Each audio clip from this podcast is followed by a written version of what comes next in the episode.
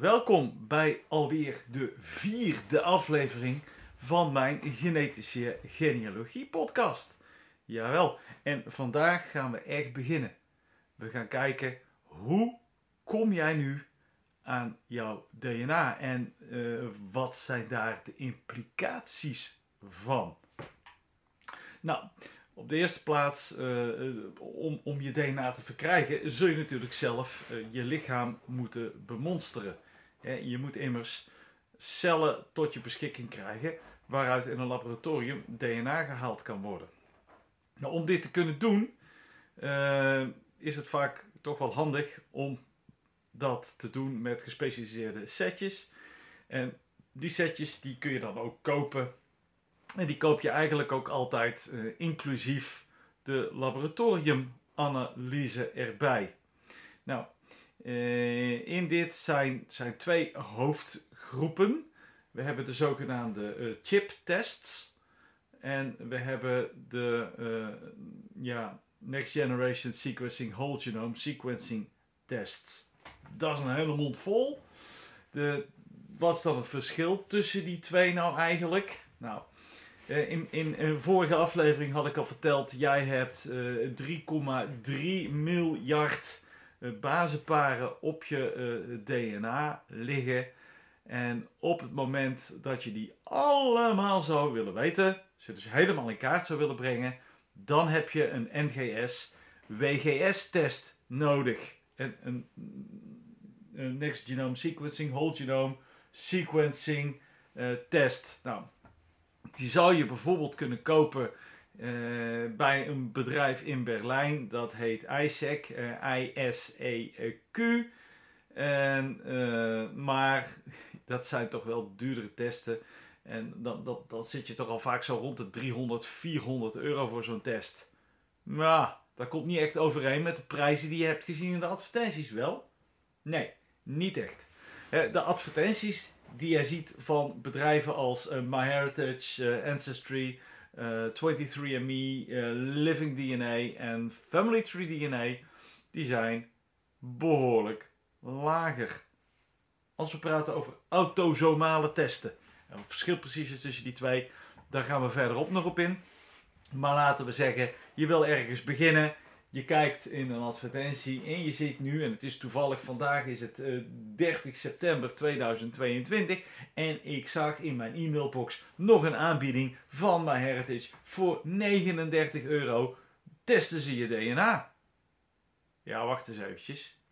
Uh, 39 euro versus 300 euro, daar moet dan toch een verschil tussen zitten. Ja, dat zit ook. Al die bedrijven als bij Heritage, Ancestry, Living DNA, 23andMe en uh, Family Tree DNA, die testen niet je hele DNA. Nee.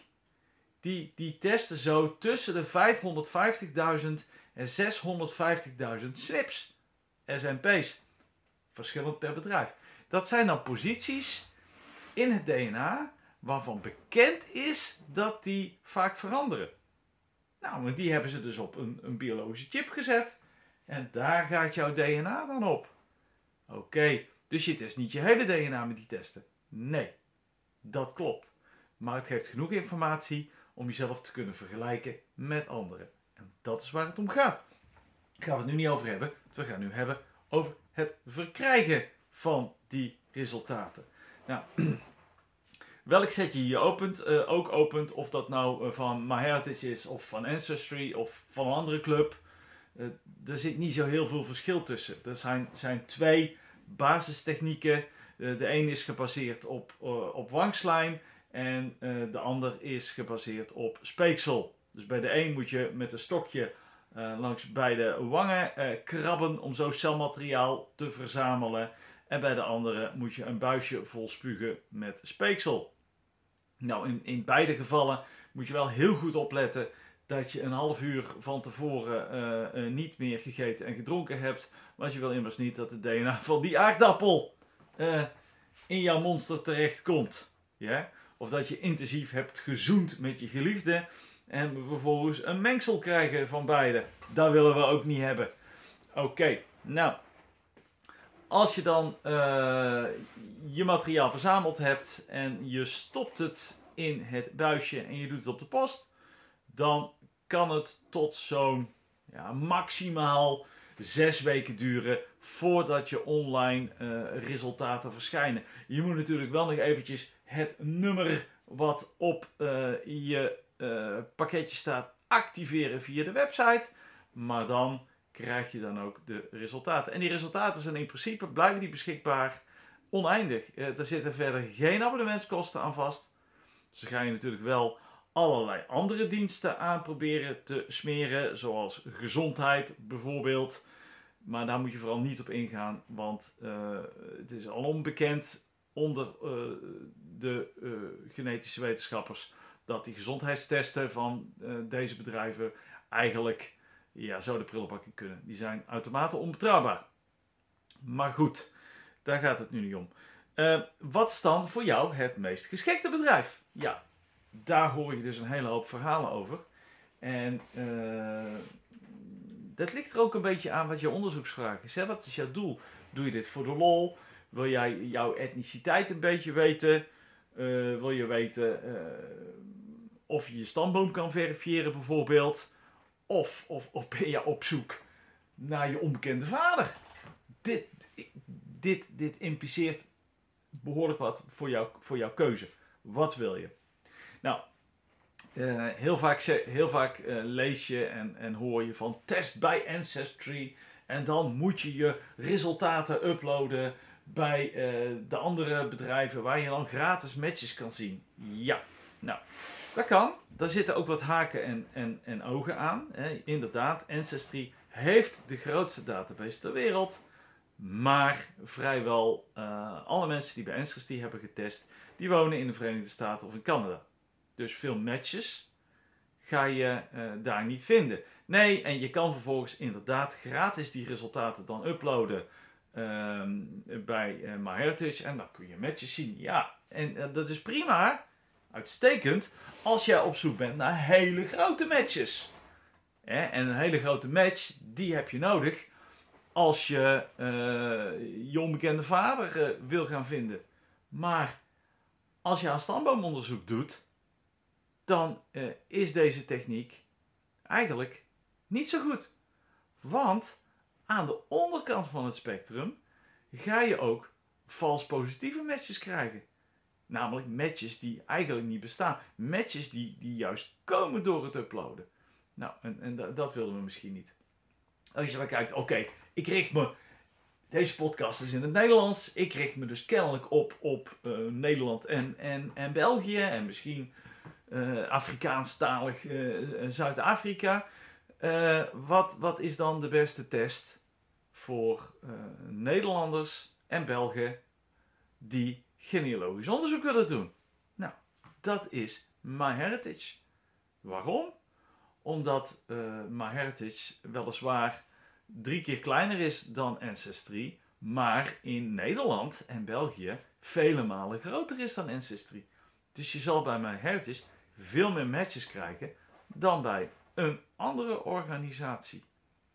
Dus, maar daarnaast, uh, dat is ook vaak, vaak wat, wat men dan zegt van ja, maar Erik, hoe zit het nou met, met vertrouwelijkheid? Want ja, ik ga mijn DNA, uh, dat komt op internet te staan, is dat dan wel veilig?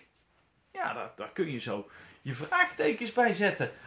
Alle bedrijven uh, garanderen veiligheid van jouw data.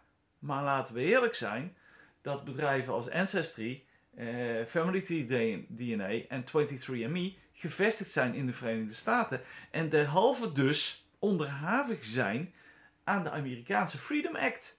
Wat eigenlijk betekent dat de Amerikaanse overheid eh, beslag kan leggen op de data. Uh, dat heb je dus niet als je bij ISAC test in Berlijn. Want dan is de GDPR, oftewel onze AVG, van toepassing. en ook eh, het Israëlische MyHeritage uh, onderschrijft de uh, AVG. En ja, de positie van, van Living DNA, wat een bedrijf is in Engeland, dat is niet helemaal duidelijk wat de consequenties zijn van, van Brexit en wat er dan verandert in de persoonsgegevens en de wetgeving in Engeland. Maar het is wel iets om over na te denken. Dus mijn advies is, in deze dus voor Nederlandse Belgen, test lekker bij MyHeritage. En uh, ja, mocht je nou op zoek zijn naar uh, jouw onbekende vader, dan werkt het over het algemeen beter om gewoon bij al die bedrijven te testen. Natuurlijk, dat is duurder, maar ja, hey, je bent op zoek naar je onbekende vader. Dat kan dan ook wel wat kosten. Mag dan ook wel wat kosten, denk ik zo. Oké, um, ik hoop dat het duidelijk is hoe jij uh, aan jouw uh, DNA kan komen. Uh, ik zou zeggen, doen, zeker doen, want wie weet hebben wij wel een match met elkaar. Zou ik zeker heel erg interessant vinden, want het, het boeit mij enorm. dankjewel voor het luisteren. vergeet ook weer niet even naar de website te gaan www.filin.nl. Dat is dus F-I-L-I-N.nl. Daar kan je natuurlijk ook mijn boek bestellen, waar ik nog een stuk dieper in ga op de materie. Je vindt er ook links natuurlijk naar mijn Engelstalige YouTube kanaal. En uh, bij sommige afleveringen van deze podcast vind je ook afbeeldingen als je gaat naar de podcast sectie van mijn website. Voor nu, hou ze taai, tot de volgende keer. De muziek is gemaakt door Airtone en is vrijgegeven via een Creative Commons licentie.